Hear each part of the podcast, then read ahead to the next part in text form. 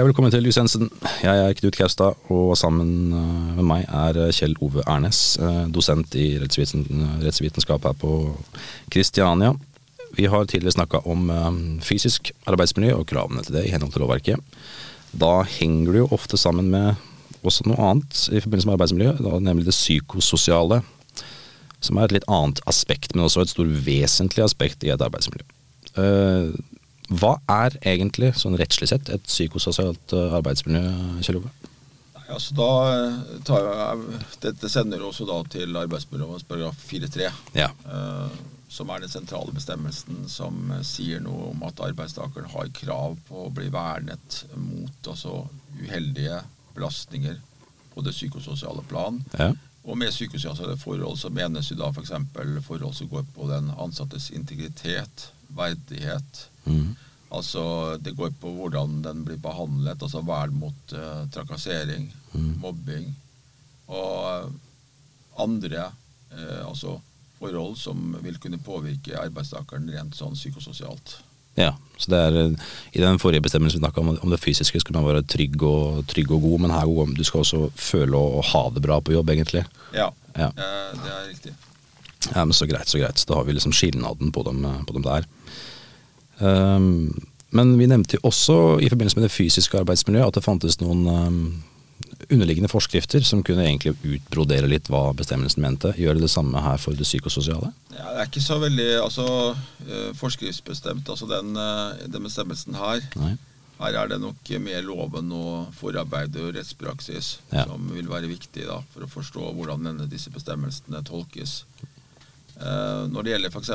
vernet mot eh, la oss si mobbing og trakassering, da, så er det, er det jo Én ting er liksom forarbeidsuttalelser, Ja. men det er klart, eh, der har jo også vært behandlet den type saker i eh, rettsapparatet i domstolene. Mm. Og der har vi jo fått noen eh, retningslinjer for eh, hvordan domstolene ser på f.eks. Eh, alvorligheten av eh, manglende, altså manglende vern Ja. fra arbeidsgivers side i forhold til å ivareta arbeidstakere, spesielt med tanke på mobbing, Ja. trakassering.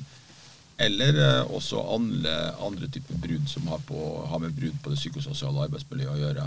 Akkurat. Så da har vi, vi har noen eh, retningslinjer sånn sett å se etter. Så, men i det store og hele så kan du egentlig si at det, er, det vil være en varierende praksis fra virksomhet til virksomhet hvordan dette her faktisk håndteres og gjennomføres. Det vil det nok helt sikkert være, selv om eh, nok kravene, lovkravene, er ganske universelle, nær sagt. Ja. Det vil si, altså, de, de, man kommer seg ikke unna disse kravene her. Nei. Og det er jo ikke, altså, Selv om det er bestemte og kanskje lettere å peke på helt konkrete ting når det gjelder det fysiske arbeidsmiljøet, Mm. så er det klart at en del av disse som går på det psykososiale arbeidsforholdet, er jo kanskje litt mer subjektivt. Ja. Men det fritar allikevel ikke arbeidsgiver om å faktisk ha et bevisst forhold til det psykososiale arbeidsmiljøet også. Og Det er jo pekt bl.a. i bestemmelsen på at arbeidsgiver unnskyld, skal tilrettelegge også for den enkelte ansattes eh, personlige altså det er sagt, utvikling og vekst, og gi muligheter for medbestemmelse og Ja. slike ting i arbeidsforholdet. Og Eh, man skal bl.a. verne en arbeidstaker mot f.eks. å bli isolert. Mm. Altså En ansatt skal ha muligheten til å kunne ha kontakt med andre. Det er mange forhold som er nevnt der, da, Ja. som er vik- viktig. da. Mm. Eh, uten at vi behøver å gå så langt at vi snakker om eh, de mest alvorlige tingene som har med f.eks. mobbing og trakassering å gjøre. Ja, for all del. Det er jo en, men det er jo, det er jo en, en bred bestemmelse som tar for seg da, bl.a. mobbing, trakassering, og også sørge for eh, Sørge for at man har det vekstpotensialet her som, som arbeidstaker. Så det er jo en uh, omfattende bestemmelse, helt klart. Uh, men vi hadde jo en liten drodling rundt uh, arbeidstakers medvirkning når det kommer til det psykososiale. Og her kan man vel kanskje enklere si at her har man et større medvirkningspotensial enn kanskje ved det fysiske. Ja, altså Det er jo faktisk slik at eh, hvis man skulle oppdage eller se eller ha erfare på arbeidsplassen at en eh, kollega eller noen andre blir utsatt for f.eks. mobbing og trakassering, Mm. eh, så vil altså medvirkningsansvaret i bestemmelsen arbeidsmiljølovens paragraf 2-3 kunne trekkes inn som et grunnlag for at den ansatte også har et ansvar for å melde fra Ja. og si fra om at man oppdager eller har sett eller erfarer at ansatte blir utsatt for, for, for brudd på det psykososiale arbeidsmiljøet. Mm. Eh, og eh, den ansatte skal selvfølgelig alltid medvirke til eget arbeidsmiljø. Ja.